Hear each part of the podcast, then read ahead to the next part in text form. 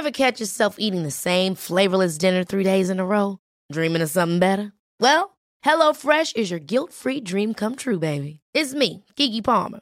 Let's wake up those taste buds with hot, juicy pecan-crusted chicken or garlic butter shrimp scampi. Mm. Hello Fresh. Stop dreaming of all the delicious possibilities and dig in at HelloFresh.com. Let's get this dinner party started. Wow. Nice. Yeah. What you're hearing are the sounds of people everywhere putting on Bombas socks, underwear, and t-shirts made from absurdly soft materials that feel like plush clouds. Yeah, that plush.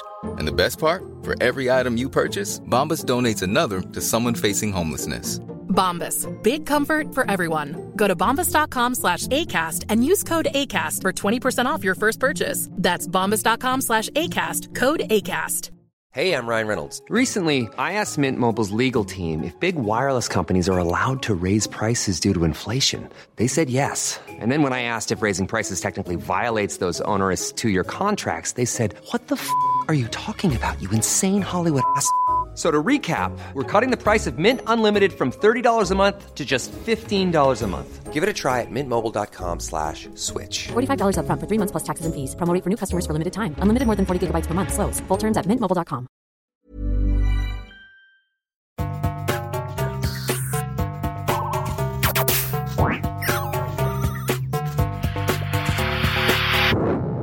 Jeg heter Sondre Risom Livre. Er psykolog, og dette er Webpsykologens podkast. Hverdagspsykologi for eh, fagfolk og folk flest.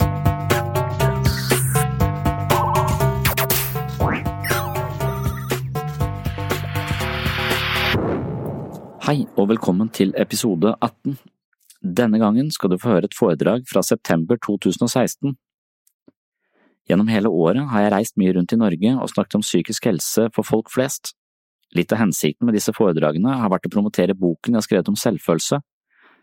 I hele mitt yrkesaktive liv har jeg vært interessert i å formidle psykologi på en lettfattelig måte. Boken som heter Selvfølelsens psykologi føyer seg inn i dette prosjektet. Denne boken er den første i en triologi om selvfølelse. Mitt prosjekt har vært å lese de mest solgte psykologi-, filosofi- og selvhjelpsbøkene gjennom tidene for å finne ut hva de klokeste hodene har sagt om å leve best mulig. Deretter har jeg oppsummert ideene og forsøkt å finne ut hvordan vi kan anvende teoriene i hverdagen. Dette prosjektet har jeg jobbet med i snart ti år, og hver uke gjør jeg øvelser og diskuterer nye ideer i en gruppe på 20 mennesker. Resultatet av dette prosjektet har blitt til boken Selvfølelsens psykologi. Dersom du liker innholdet i disse podkastene, vil du finne samme takt og tone i boka. For deg som er interessert, håper jeg at du besøker webpsykologen.no, hvor boken er tilgjengelig for 305 kroner med fri frakt og rask levering. I første omgang ga jeg ut denne boken på eget forlag. Etter noen måneder fant jeg ut at jeg elsker å skrive og formidle psykologi, men jeg egner meg dårlig for salg og distribusjon. Nå har Portal Forlag overtatt boken og gitt den ut i en forbedret versjon med over 100 fargeillustrasjoner. Mens jeg produserte boken i USA med lang levering og dyr frakt, kan Portal Forlag produsere boken lokalt, og den sendes fra sentraldistribusjon i Oslo. Men eh, nok reklame for eh, boka. Nå får du et foredrag som handler om måter å forstå mennesker på. Det handler om hvordan vi skal forstå våre utfordringer fra så mange innfallsvinkler som mulig. I dette foredraget rir jeg en av mine største kjepphester gjennom tidene. Jeg har alltid vært opptatt av selvutvikling og hvordan mennesker kan forandre seg eller få det bedre. Spørsmålet i dette foredraget er hva som egentlig hjelper mot psykiske plager. Hva kan vi gjøre når vi opplever for mye stress, depresjon, angst, stadig motløshet, kroppslige plager, mangel på energi eller andre utfordringer i hverdagen? I foredraget refererer jeg stadig til en plansje. Denne finner du på webpsykologen.no. Klikk deg frem til podkasten og finn episode 18 for en illustrasjon av de poengene jeg forsøker å få frem i dette foredraget.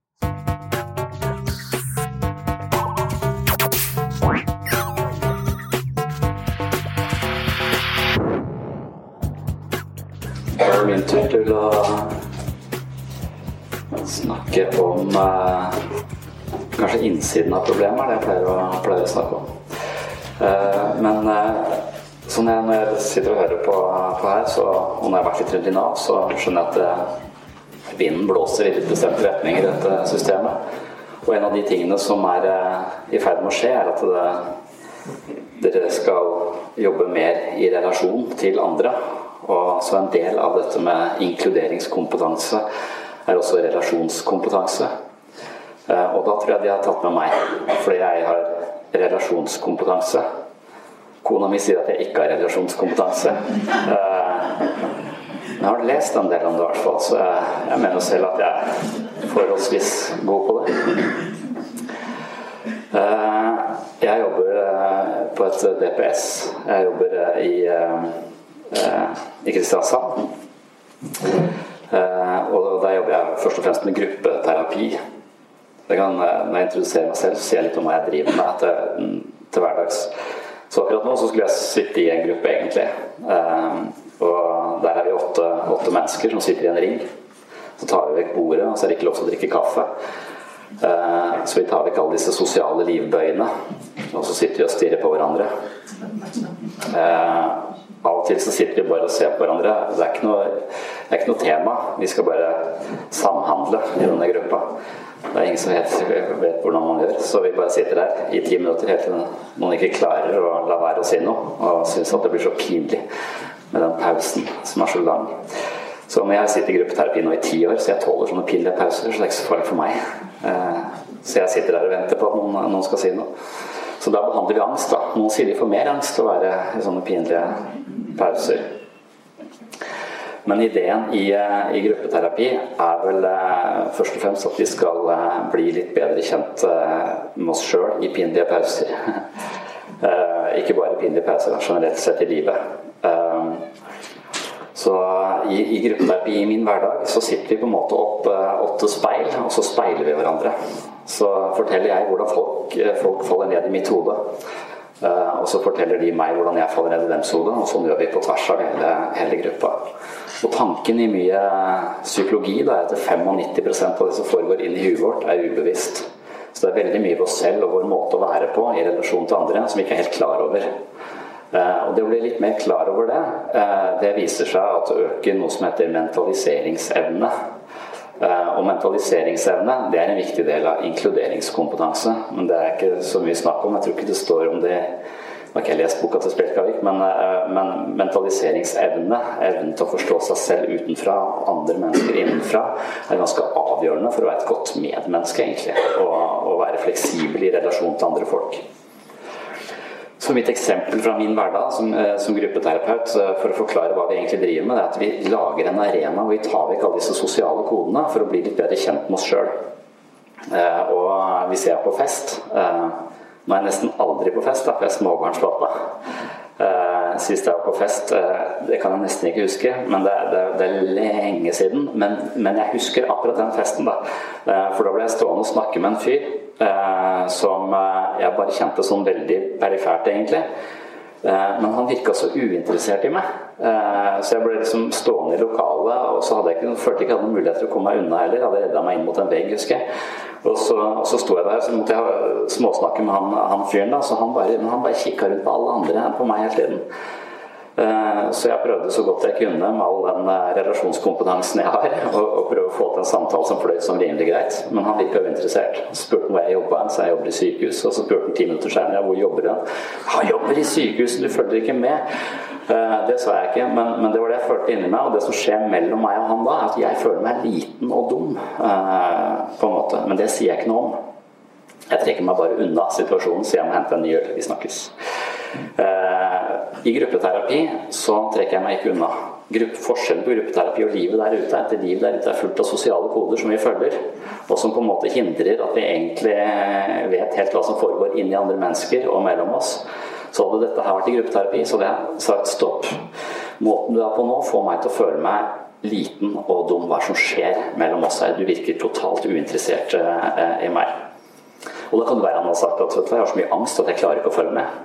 Uh, og da hadde det skjedd noe annet inni meg igjen. Hvis jeg hadde forstått at han har så mye angst at han ikke klarer å følge med, så hadde jeg sluppet å føle meg liten og dum. Da hadde jeg heller fått medfølelse med han. Og der er det en del forskning. Hvis du har mye medfølelse, så lever du ti år lenger og du er mindre sjuk. Hvis du føler deg liten og dum hele tida, så lever du ti år kortere og er mye sjuk. Uh, så hvordan vi tolker oss selv og samspillet med andre mennesker, det er ganske, uh, ganske avgjørende. Så vi har laget en arena, i gruppeterapi er en arena hvor vi på en måte tematiserer det som foregår mellom oss og inni oss, og gir det et språk. Eh, så, eh, så, det er det jeg kommer til å snakke ganske mye om eh, utover i dag. Men før det så skal jeg snakke litt om en annen del av jobben min. Den kjipeste delen av, av min jobb. Jeg synes Det er ganske spennende å sitte i gruppe med folk. Vi har masse forskjellige grupper. Jeg treningsgrupper, vi, masse, vi, vi, liker å ha folk i gruppe. Eh, men, men, den kjipeste delen av min jobb den er på fredag eh, fra klokka åtte til eh, tolv, faktisk, har det blitt nå. Helt fram til lunsj. Da sitter jeg i noe som kalles inntaksteam. Det er ikke et team, det er bare meg og en sekretær. Men det kalles et inntaksteam. Og der skal vi sitte og prøve å hindre folk i å få den behandlinga de føler de trenger. Uh, og det er en kunst. Så når jeg ble psykolog, da, så var jeg litt opptatt av Jeg tenkte kanskje at jeg hadde både relasjonskompetanse noe kona mi ved å sparke meg i leggen gjentatte ganger på fest uh, markere at jeg sier ting som ikke passer seg. Eh, så hun mener jeg ikke har så mye av det, men i hvert fall jeg har utvikla en del for det i disse gruppeterapisesjonene. Og så tenkte jeg også på meg selv som en litt empatisk person. Da. Jeg tenkte at jeg hadde lyst til å hjelpe andre. Eh, det har jeg rista av meg. Eh, nå har jeg jobba ti år, elleve, snart tolv, tror jeg, i, psykisk helsevern. Og sitter ikke en, en god del i disse inntaksteamene. Der kommer det søknader fra fastleger. Og fastlegene sender til DP Solvang, og jeg jobber ca. 30 søknader i uka. Eh, og, og, bak meg så er det en arbeidstopp på en 15-16 eh, stykker som sier vi har dritmye å gjøre, vi kan ikke ha for det nå. Nå må vi ha en pause. Og så sender fastlegene masse nye mennesker som trenger, trenger hjelp. Min oppgave er altså å kikke i denne søknaden og se om det finnes tegn som tyder på at jeg kan avslå denne søknaden på en eller annen måte, sånn at dette mennesket ikke får hjelp. Når du sitter her da med empati, så er det veldig forstyrrende å ha empati. Så da må du prøve å fjerne empatien, og så kjenner du at det begynner på en måte krible litt oppi panna, så du begynner å utvikle litt horn. Eh, og så går det litt sport i å prøve å avvise folk, da. Eh, så det er en eh, forbanna kjip del av, av min, min, jobb, og jeg tror kanskje det er litt gjenkjennelig mange deler av av samfunnet vårt. At uh, vi er folk som ønsker å hjelpe, og så har vi ofte litt for mye å gjøre til at vi føler at uh, vi strekker helt til. Jeg, jeg, har løst det ved å ha folk i grupper. Syns det er greit. Så jeg har veldig mange mennesker i, i, behandling, men jeg har de alltid i grupper, så, sånn at jeg passer på at jeg ikke blir overvelda i tidsbruk. Ehm, men ehm, for å illustrere den modellen jeg har eh, opp her, så tar jeg også det fra inntaksteamet. Inntaksteamet der kommer det søknad. Kvinne 42, vondt i kroppen. Ehm, det er en ganske vanlig, eh, vanlig greie. Jeg merker at jeg hadde sannsynligvis avvist den søknaden nå. Men la oss si at jeg ikke gjør det. da. La oss si at hun får rett til helsehjelp innen tre måneder så, eh, så, er det en sånn kritikk mot, eh, mot, psykisk helsevern som sier at det er helt tilfeldig hva slags behandling du får. Eh, så Riksrevisjonen har påpekt det mange ganger, og, og mange som ser på dette, mener jo kanskje at psykologi eller psykiatri er noe kvakksalveri. Fordi at eh, hvordan den lidelsen du har, eh, vil ikke alltid medføre én bestemt form for behandling. Det kan være mange forskjellige typer behandling du får for én bestemt lidelse. Og da virker det litt diffust. ikke sant? Sånn er ikke somatikken nødvendigvis. Eh, har du brekt et bein, så får du blå eller rød gips. da. Det er kanskje bare barn, det. Dattera mi falt ned fra tre i går. Så eh, det er fjerde gang på legevakta det på under et år. Men eh, blå eller rød gips er det der. Men eh, i psykisk helsevern så er det litt mer uh, forskjellige typer uh, behandling vi tilbyr.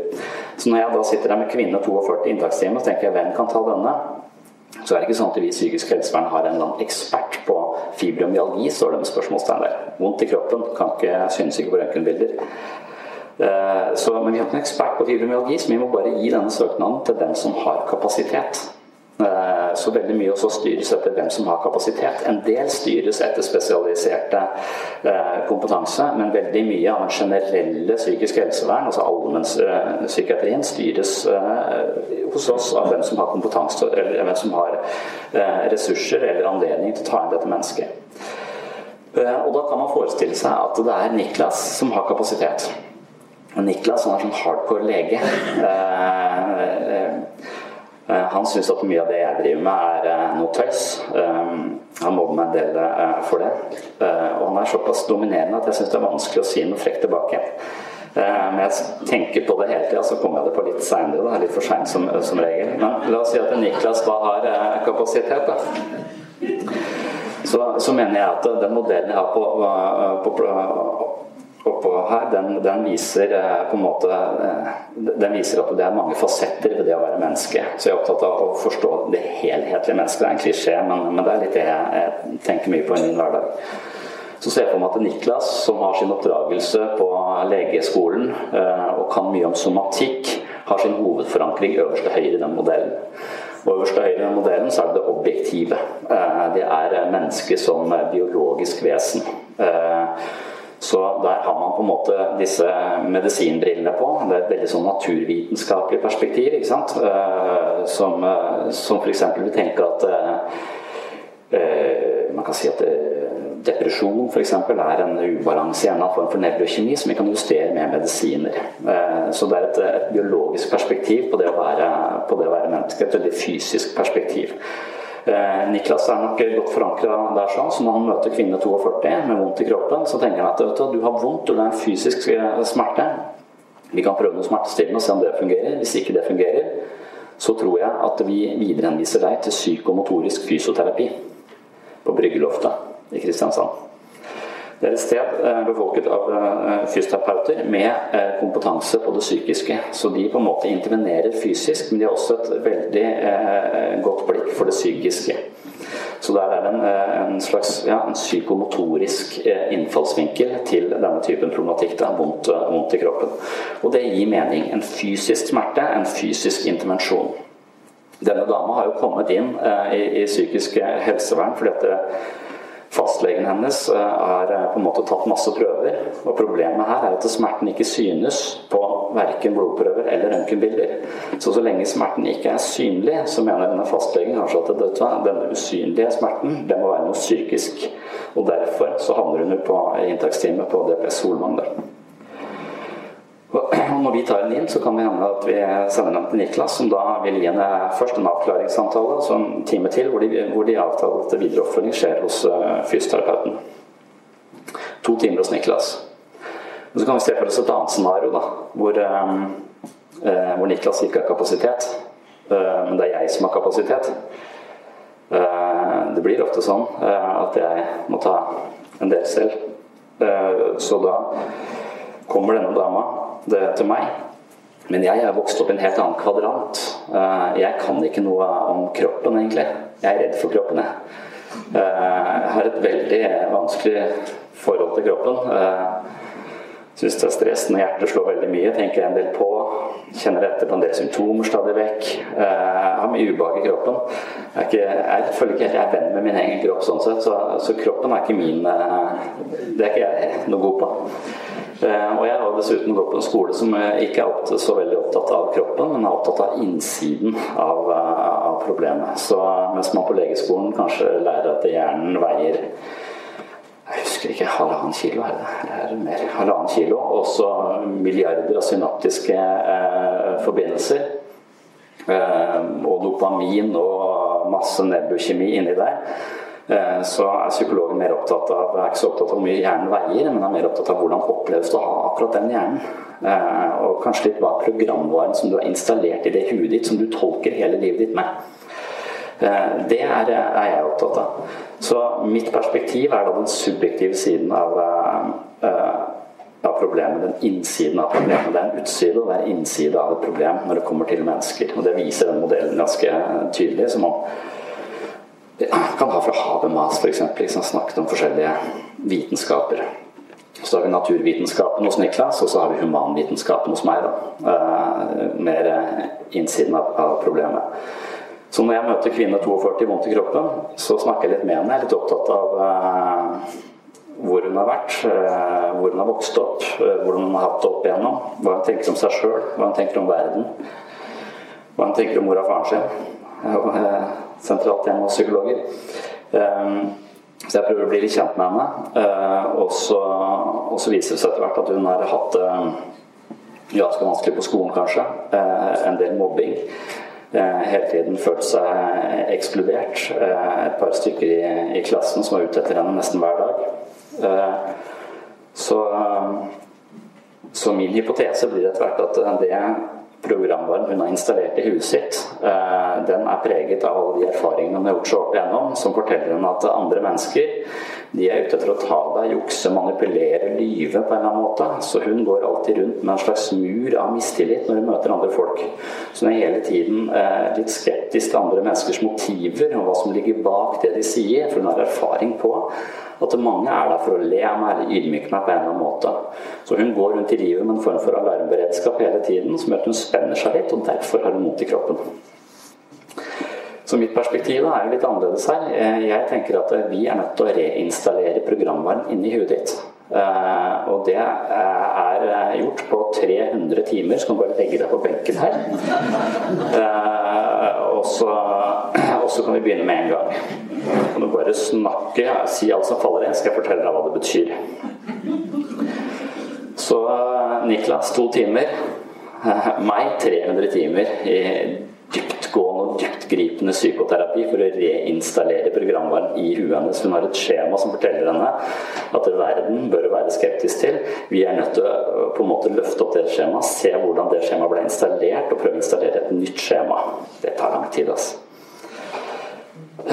Så da er det samme dama, samme henvisningen. To litt forskjellige eh, innfallsvinkler til behandling.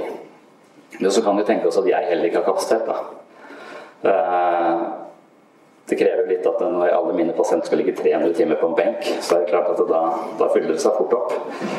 Uh, nå er det ingen som gjør det lenger, altså. Men uh, jeg sitter jo i gruppeterapi, så jeg har, så jeg har en benk, da, men det er mest for min egen del. Uh, blir litt sliten på ettermiddagen. Mm. Så, så, da kan vi se for oss at det kanskje det er Elin som har kapasitet. Og Elin hun, hun er sosionom. Eh, så mens eh, jeg er opptatt av innsiden av problemet, og Niklas er opptatt av eh, det fysiske sidene av et problem, så er Elin opptatt av de mer sånn, skal vi si psykososiale sidene ved det å være menneske. Hun er opptatt av Hun ligger litt mer her nede, kanskje der nede til høyre, altså der jeg har plassert Nav. Da. Hun kan systemer. Altså, Elin kan faktisk systemer, men hun er den første sosionomen jeg har møtt i psykisk helsevern som kan systemer også. Eh, sosionomen i psykisk helsevern har nesten alltid tatt videreutdannelse i eh, kognitiv terapi og jobber der oppe til venstre med hvordan folk tenker. Eh, så i psykisk helsevern har jeg alltid følt at vi mangler faktisk den der nederste høyre kvadranten der, som er det til høyre i den modellen er objektivt, det til venstre er subjektivt. Det nede er flertall, det oppe er entall. Så der nede til høyre så blir det altså det objektive i flertall. Det blir det interobjektive. Eh, og det perspektivet handler om at det å være menneske er ikke bare å ha en hjerne og en opplevelse av å ha den hjernen, men det er også det å være en del av et samfunn, en del av en, eh, et land.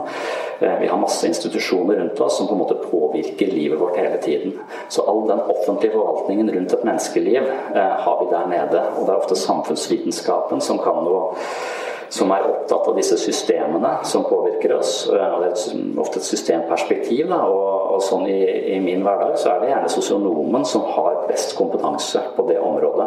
Bortsett fra at de da hele tiden tar videreutdannelse i kognitiv terapi og ikke gidder å ha noe med det systemgreiene å gjøre. Så det er ingen som skjønner systemet lenger eh, oppe hos oss. Men eh, men hun, eh, når Elin, da, som faktisk har eh, kompetanse på dette, møter, eh, møter kvinne 42, så har hun helt andre briller på seg. Hun ser at hun legger faktisk Det de snakker om, er hvordan, hvordan økonomi og sånn ligger an henne, jobb og sånne ting. Så de finner ut at, at kvinne 42 har betalt regningene sine på et år. Så det må være ganske stressende. Det er helt for jævlig, sier hun da. Og det kan man jo forstå. Så da mm, hjelper Elin med å ringe til eh, kreditorer, lage en nedbetalingsplan, eh, få orden på økonomien. Etter seks timer så har de fått ganske god oversikt, eh, ganske klare orden på, på dette administrative sidene. Hun dama har jo sånn bunke med konvolutt med vindu på. Det er jeg får ikke så mange sånne lenger, men jeg husker jeg var veldig redd for konvolutt med vindu på da jeg var yngre. Det var en slags symbol på at nå må du administrere livet ditt på en eller annen måte. Nå må du inn på et eller annet nettportal hvor du ikke har koden. Eh, eh, så det ikke, du blir bare frustrasjon med en gang du prøver å gjøre det. Syns det blir enklere og enklere. Men men når hun dama da opplever at økonomien disse tingene kommer i orden, så senker hun skuldrene, og det er en så stor lettelse at smerten avtar litt. ikke sant? Så seks timer hos Elin, eh, redusert smerte. Eh, 300 timer hos meg vet ikke, vi er ikke ferdig ennå. Helt umulig å si hvordan det går. Eh, eller eh, fysioterapeuten, som også reduserer eh, smerten. Så mitt poeng er vel egentlig at alle disse behandlerne da, i psykisk helsevern, enten meg, Niklas eller Elin, har ikke tatt feil, noen av oss. Men at vi supplerer hverandre, og at vi, er, vi har forskjellige briller på når vi ser et problem. Eh, vi intervenerer ut ifra eh, det vi kan best, sannsynligvis. Eh, vi vet om hverandre og vi vet om de forskjellige perspektivene, men hvis vi virkelig skal hjelpe dame eller kvinne 42, så bør vi ha en ganske integrativ tilnærming til dette. Vi bør ikke bare sitte 300 timer i psykoterapi eller lage en nedbetalingsplan eller gå til fysioterapeut. Vi bør gjøre flere ting samtidig for å løfte dette mennesket. Og En del av grunnen til at vi har så masse henvisninger hver fredag, er at det veldig mange rehenvises. Så det er noe som tyder på at eh, våre intervensjoner, som ofte da er samtaleterapi i en eller annen forstand, ikke, eller medisiner, ikke nødvendigvis er tilstrekkelig. At vi vil tenke bredere. Eh, så mitt mål med dette er vel egentlig å, å, å, å, si noe om at når vi eh, møter et menneske, så møter vi et eh, komplekst en, en utfordring som har mange forskjellige sider. Det er mange forskjellige sider ved det å være menneske.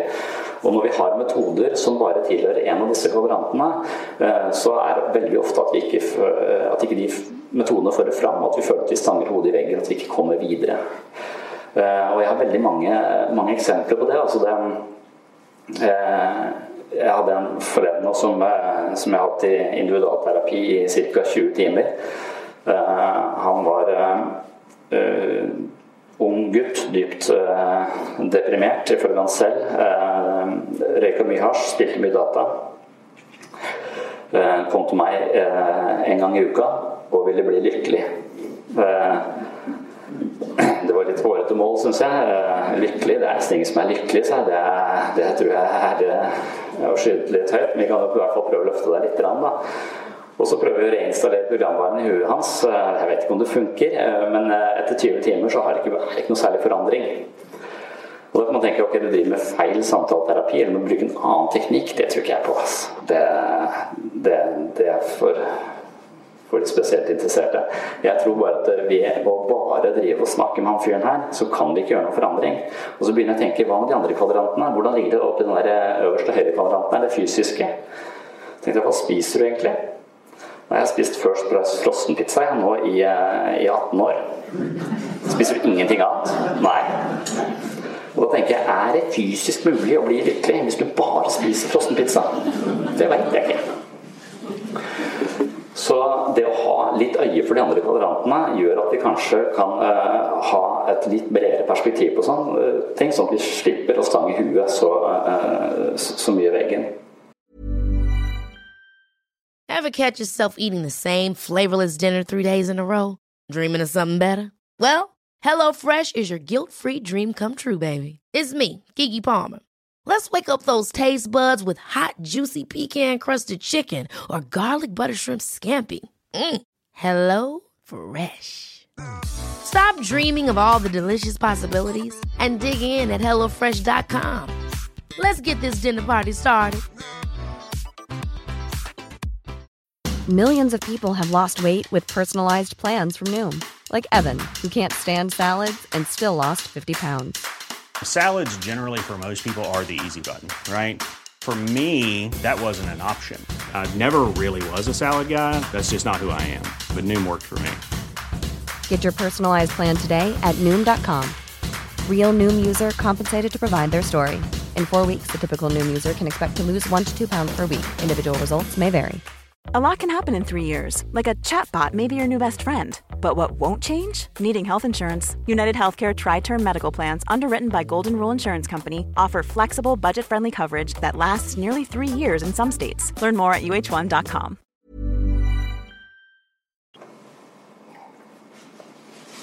snakket ikke så mye om den der nederste venstre kvadranten der, men der det vil si, Hvis det er det subjektive, så er det det intersubjektive. Det er der relasjonskompetansen kommer inn. Det er, der, det er dette Det å være menneske er ikke bare å være meg med min opplevelse. Det er å være meg med min opplevelse i relasjon til andre mennesker. Og i psykologien og i gruppepsykoterapi og sånn, så har man et perspektiv som tenker at det, vi har jo blitt menneske i relasjon til andre. Vi har ikke oppstått i et vakuum, på en måte. Så uh, hva jeg tenker om meg selv, reflekterer alle de erfaringene jeg har i samhandling med andre folk. Spesielt eh, foreldrene mine. Så gjennom andres øyne så vet vi hvem, eh, hvem vi er. Og det danner på en måte utgangspunktet for vår selvfølelse. Eh, så, så, der nede er jo gruppeterapien veldig god. da Vi jobber hele tiden i, eh, i dette spenningsfeltet mellom meg og den andre, og hvordan vi opplever uh, hverandre. Ja. Så da har vi øverst ja, vi har naturvitenskap, humanvitenskap og så samfunnsvitenskapen der nede. Og jeg mener at dette er en veldig viktig modell og på en måte ha i bakhodet. Jeg synes den er så generell at alle som jobber med mennesker, bør ha en viss en måte, dette, dette er jo kjent, ikke sant? dette er veldig kjent. Hamas ligger inne i alle eh, alle studieretninger i dag omtrent, tror jeg. Eh, en form for vitenskapsteori, dette her. En sånn popularisering kanskje av vitenskapsteori. Med referanse til tyske filosofer som har etternavn som begynner på H alle tyske filosofer med etternavn som begynner på H, er helt umulig å lese, er min erfaring. Der Habermas, Heidegger, Hegel. Eh, så, men, eh, men, de sier nok et eller annet viktig, selv om de har prøvd å pakke det inn sånn at ingen skal forstå det. Skjønner ikke hva som er vitsen med det. Eh, så, men i hvert fall ha denne, så, så når jeg begynte i psykisk helsevern, så, så, var jeg opptatt av eller så, så, tenkte jeg at dette her eh, er veldig viktig å ha med seg i møte med disse ganske komplekse eh, problemene vi, vi står overfor. Mennesker med utfordring på, på, flere, på flere, områder. Eh, og når psykisk helsevern fungerer godt, så samarbeider jeg, Niklas og Elin. Og vi er et team. Vi møtes hele tiden, og vi jobber tett på hverandre sammen med, med de menneskene vi møter.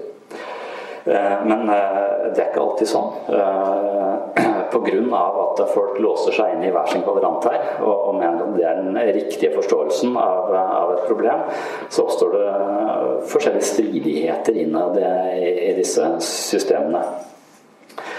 Eh, og det er også en del erfaring på. Ikke For opp igjen har jeg jobba en del på døgnpost. Litt mer sånn eh, ja, skal si, eh, folk som trenger innleggelse, da, eh, som er enda mer pressa situasjon enn de jeg møter i poliklinisk eh, sammenheng, så er det flere ganger på møter hvor du, hvor du sitter. Vi er tverrfaglige der, men at istedenfor å samarbeide, så prøver vi å konkurrere om hvem som forstår denne saken på best mulig måte. Og Da sitter jeg der ofte borti venstre der med innsiden av problemet, og så er det en fyr ute i gangen som går helt berserk. Eh, og så er personalet som jobber der, helt frustrerte. Hva skal vi gjøre med han fyren? Han går helt amok der ute. Og da begynner jeg eh, med mine forklaringer på hvordan dette egentlig handler om penismisunnelse og kastraksjonsangst. Eh, eh, og hvordan vi er nødt til å finne urskriket for at denne personen skal gjenvinne seg sjøl.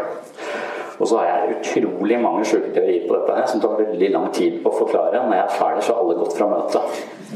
For da har, da har legen, psykiateren, sagt at vi gir noe Sobril, så roer vi dette ned i ettermiddag, så ser vi i morgen åssen det ligger an. Så når jeg da sitter, står og prater, og det ikke er noen igjen i, i, i lokalet, så må jeg bare si til meg sånn Nå kan du stoppe og prate, for nå er det ingen. Nå har alle gått. Så psykologens perspektiv tar ofte litt lengre tid, da. Eh, men, eh, men som regel så ser vi det samme problemet fra forskjellige, fra forskjellige vinkler. Eh, og jeg synes jeg gjort, jeg har brukt mye unødvendig tid altså på, på, å drive med former for tiltak og behandling som ikke funker. Eh, eller som funker litt, men som ikke, ikke kommer i mål fordi at jeg ignorerer de andre eh, kvadrantene.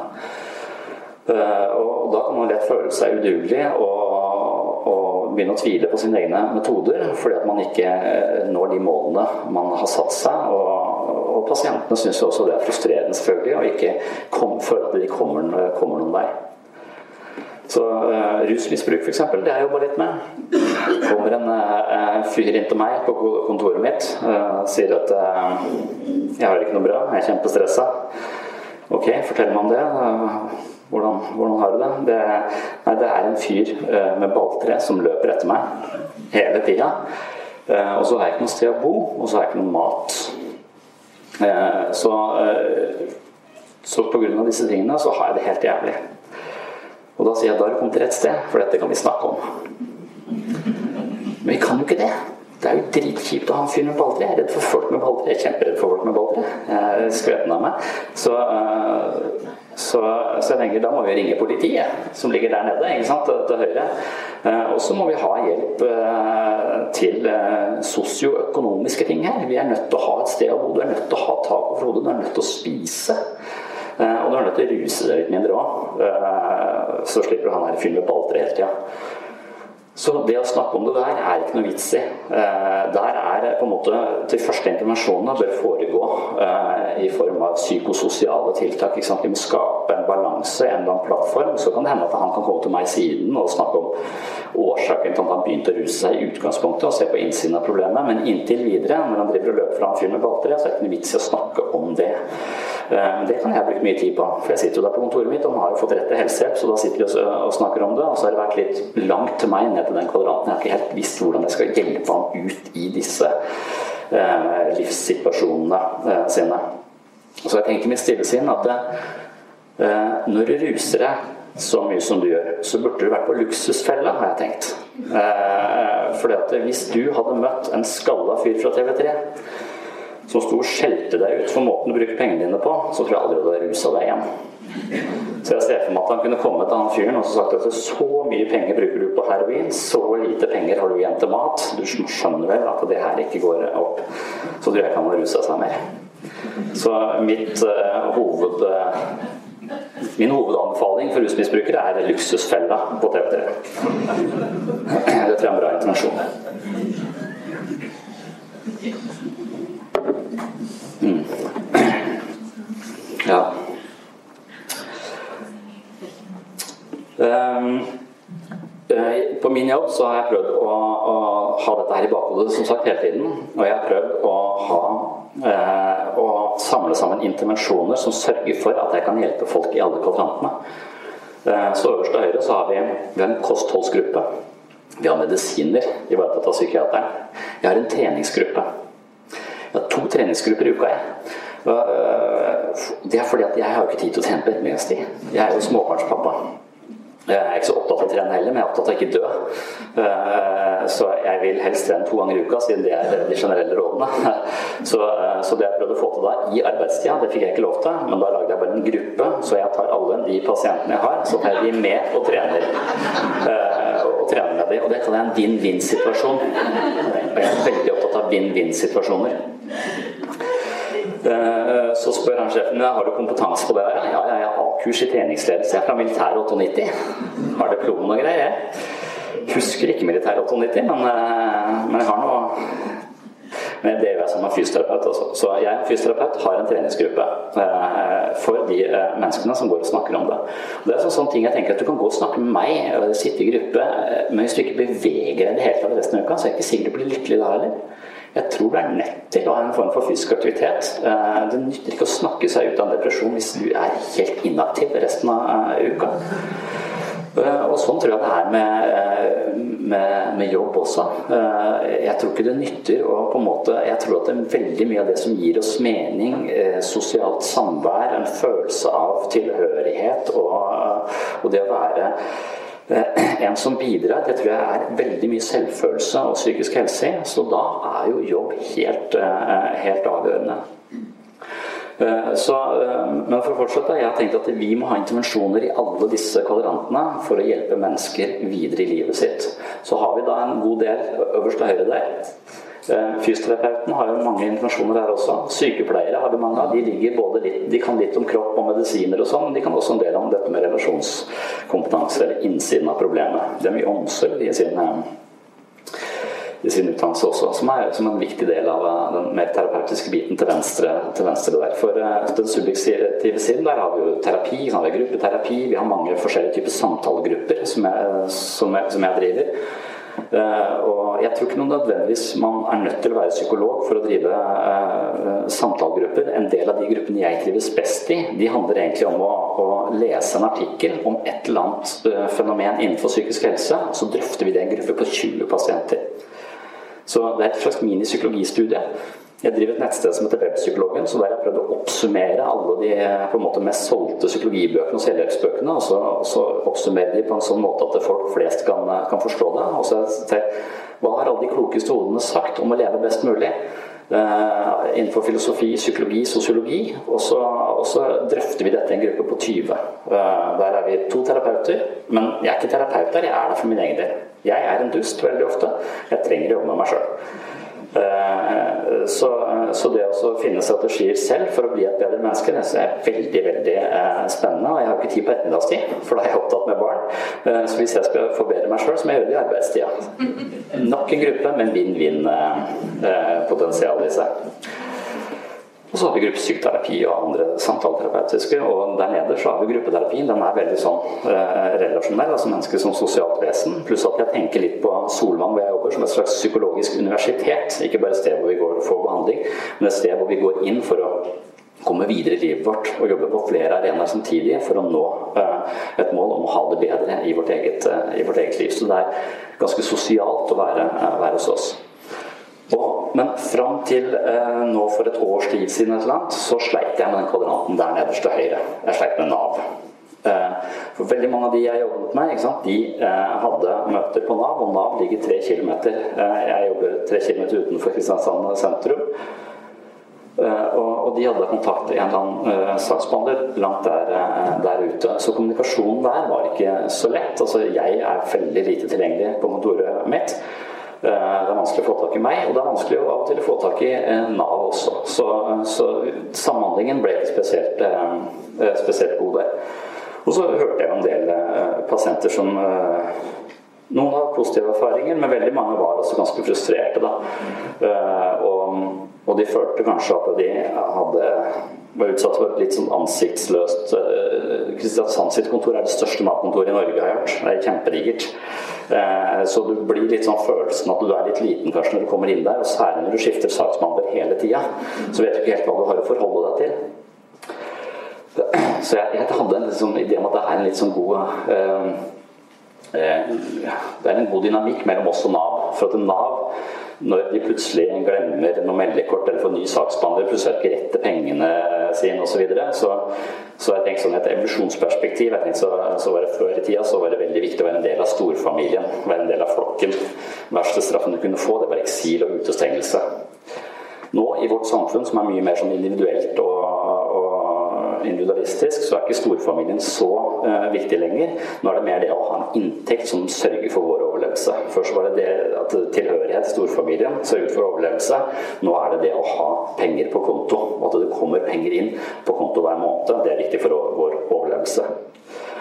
Eh, så når Nav da eh, på en måte truer, eller plutselig skjer en eller annen feil eller en eller annen reform som sørger for at, at disse brukerne plutselig ikke har penger, så får de ikke bare Det er ikke bare sånn litt irriterende, det er på en måte dødsangst. Det er virkelig skikkelig høy angst på at nå dør jeg, for nå får jeg ikke flere penger. Hva skal jeg gjøre?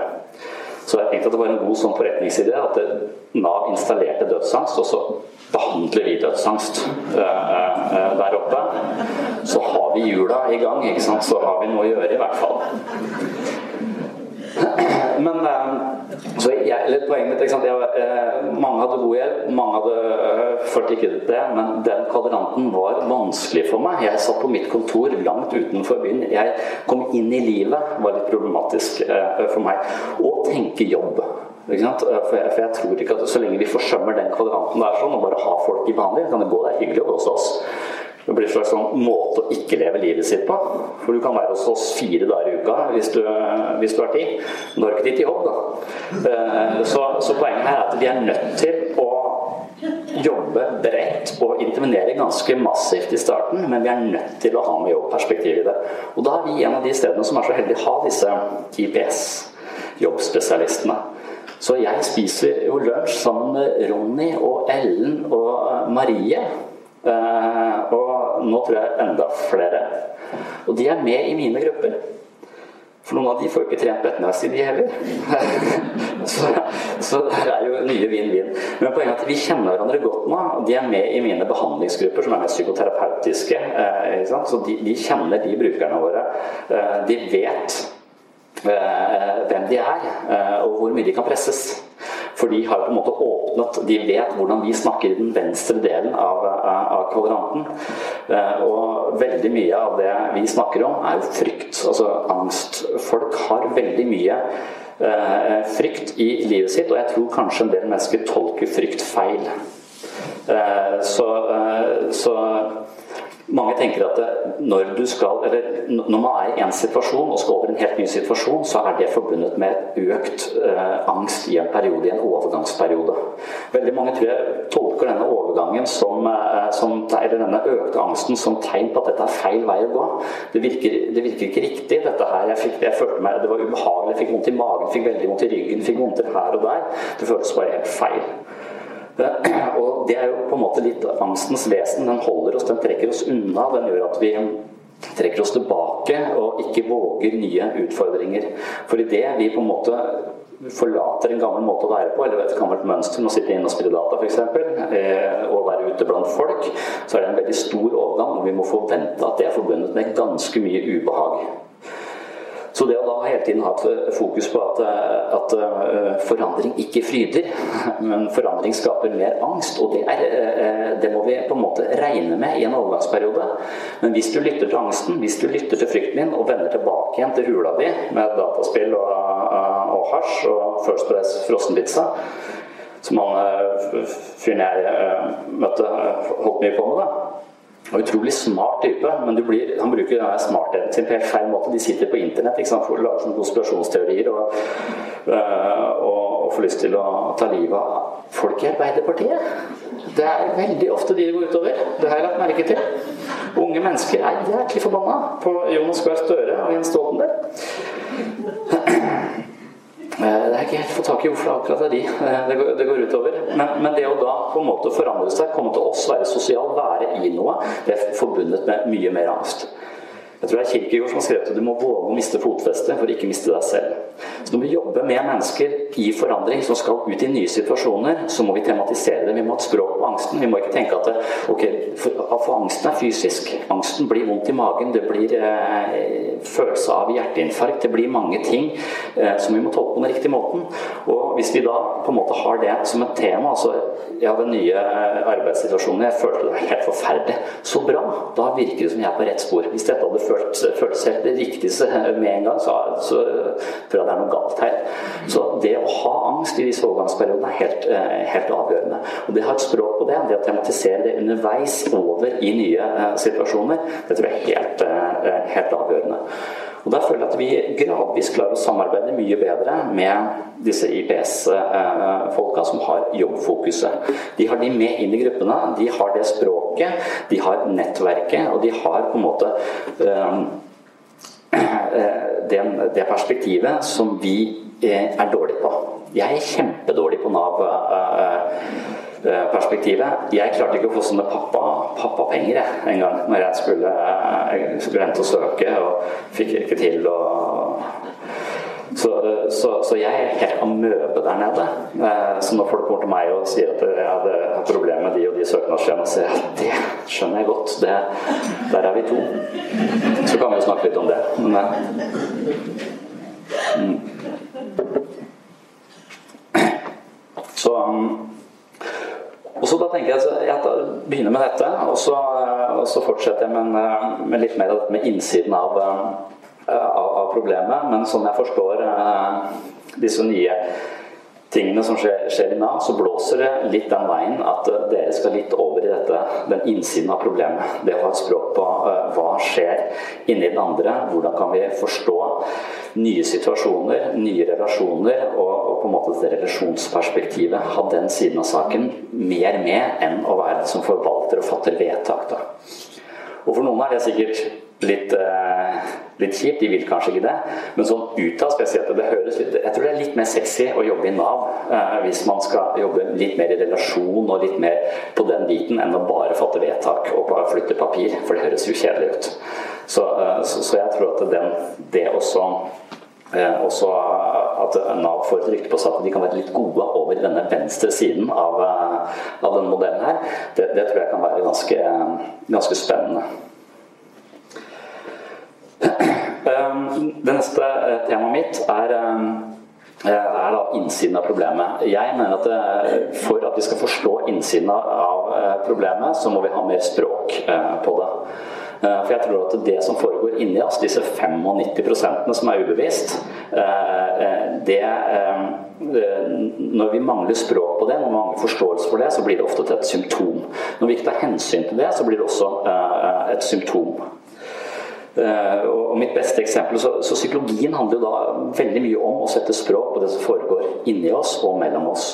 Uh, og Det har vært en viktig del synes jeg, av min egen utvikling nå. og Et av de beste, på en måte tydeligste eksemplene for meg da, på, at, på at det å ha mer språk på hva som foregår inni huet mitt, og måten jeg tolker verden på, det har senket symptomene mine på angst og uro og bekymring og sånn, som jeg har en del av scorer ganske høyt på den nevrotisisme, på denne big five-greia.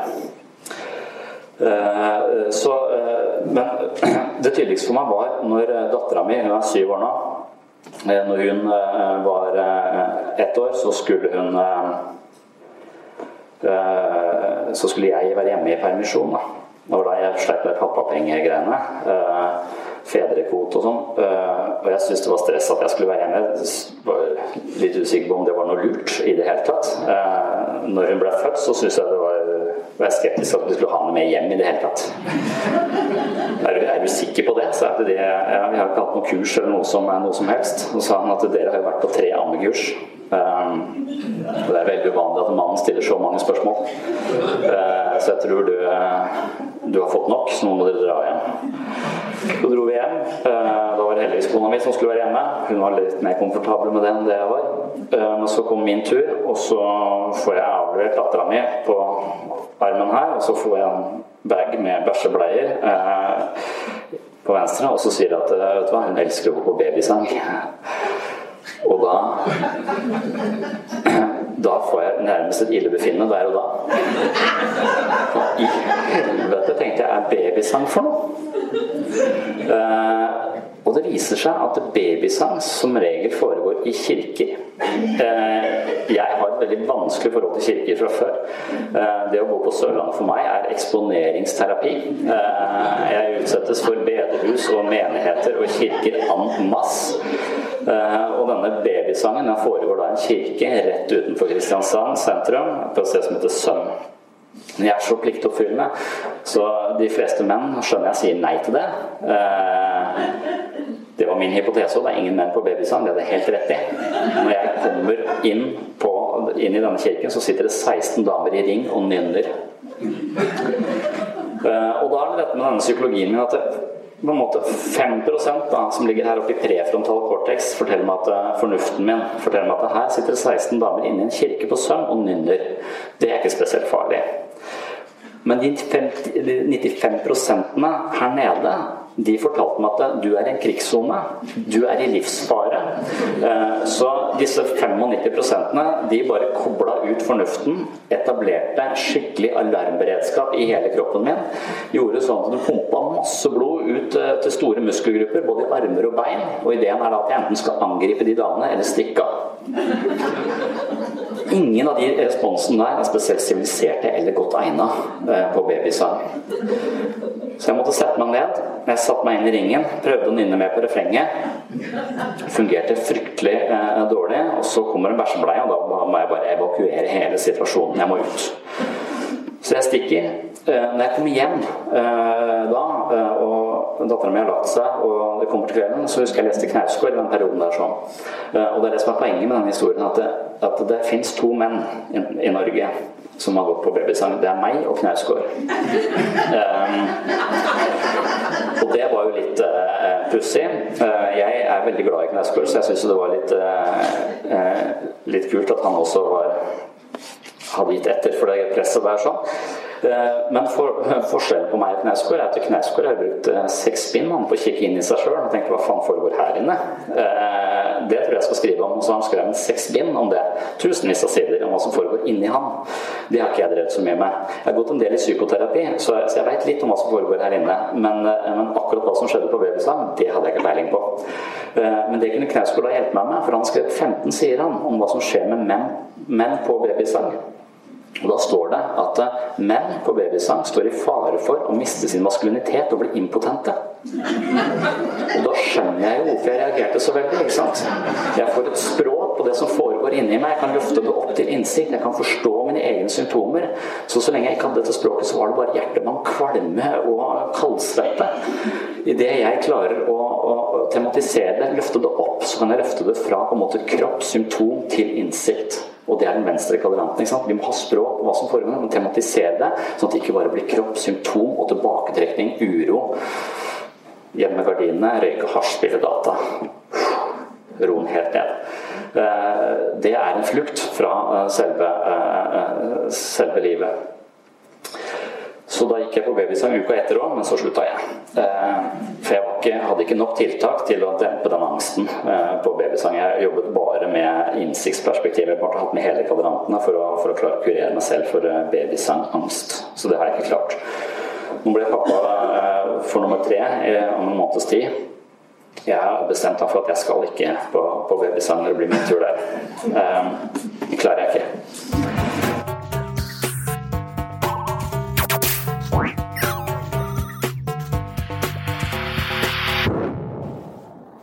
Takk for at du hører på Webpsykologens podkast. Som nevnt har jeg skrevet en bok som heter Selvfølelsens psykologi. Den er skrevet i samme takt og tone som du finner i denne podkasten. Er du mer interessert i menneskets psykologi og muligheter for vekst og utvikling, håper jeg du klikker deg inn på webpsykologen.no og sørger for at du får boka hjem i posten i løpet av få dager. Ellers håper jeg du følger med i neste episode som skal handle om personlighet. Og til slutt et lite PS sånn helt på tampen. Dersom du liker denne podkasten, vil jeg sette utrolig stor pris på om du vil rate den på iTunes. Gode skussmål på iTunes er viktig for denne podkastens videre eksistens. Ok, på gjenhør!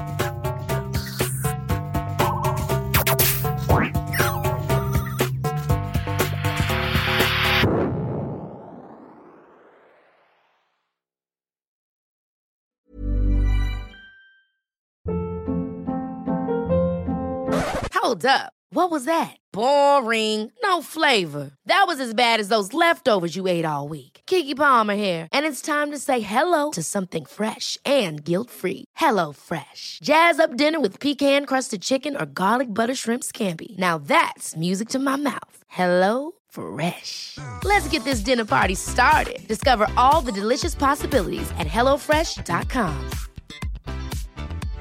Hey, it's Paige DeSorbo from Giggly Squad. High quality fashion without the price tag. Say hello to Quince.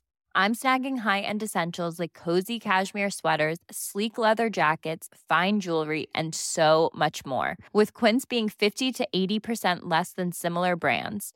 And they partner with factories that prioritize safe, ethical, and responsible manufacturing. I love that. Luxury quality within reach. Go to quince.com slash style to get free shipping and 365 day returns on your next order. Quince.com slash style. Imagine the softest sheets you've ever felt. Now imagine them getting even softer over time. That's what you'll feel with Bowl and Branch's organic cotton sheets. In a recent customer survey, 96% replied that Bowl and Branch sheets get softer with every wash. Start getting your best night's sleep in these sheets that get softer and softer for years to come. Try their sheets with a 30-night guarantee. Plus, get 15% off your first order at bowlandbranch.com. Code BUTTERY. Exclusions apply. See site for details.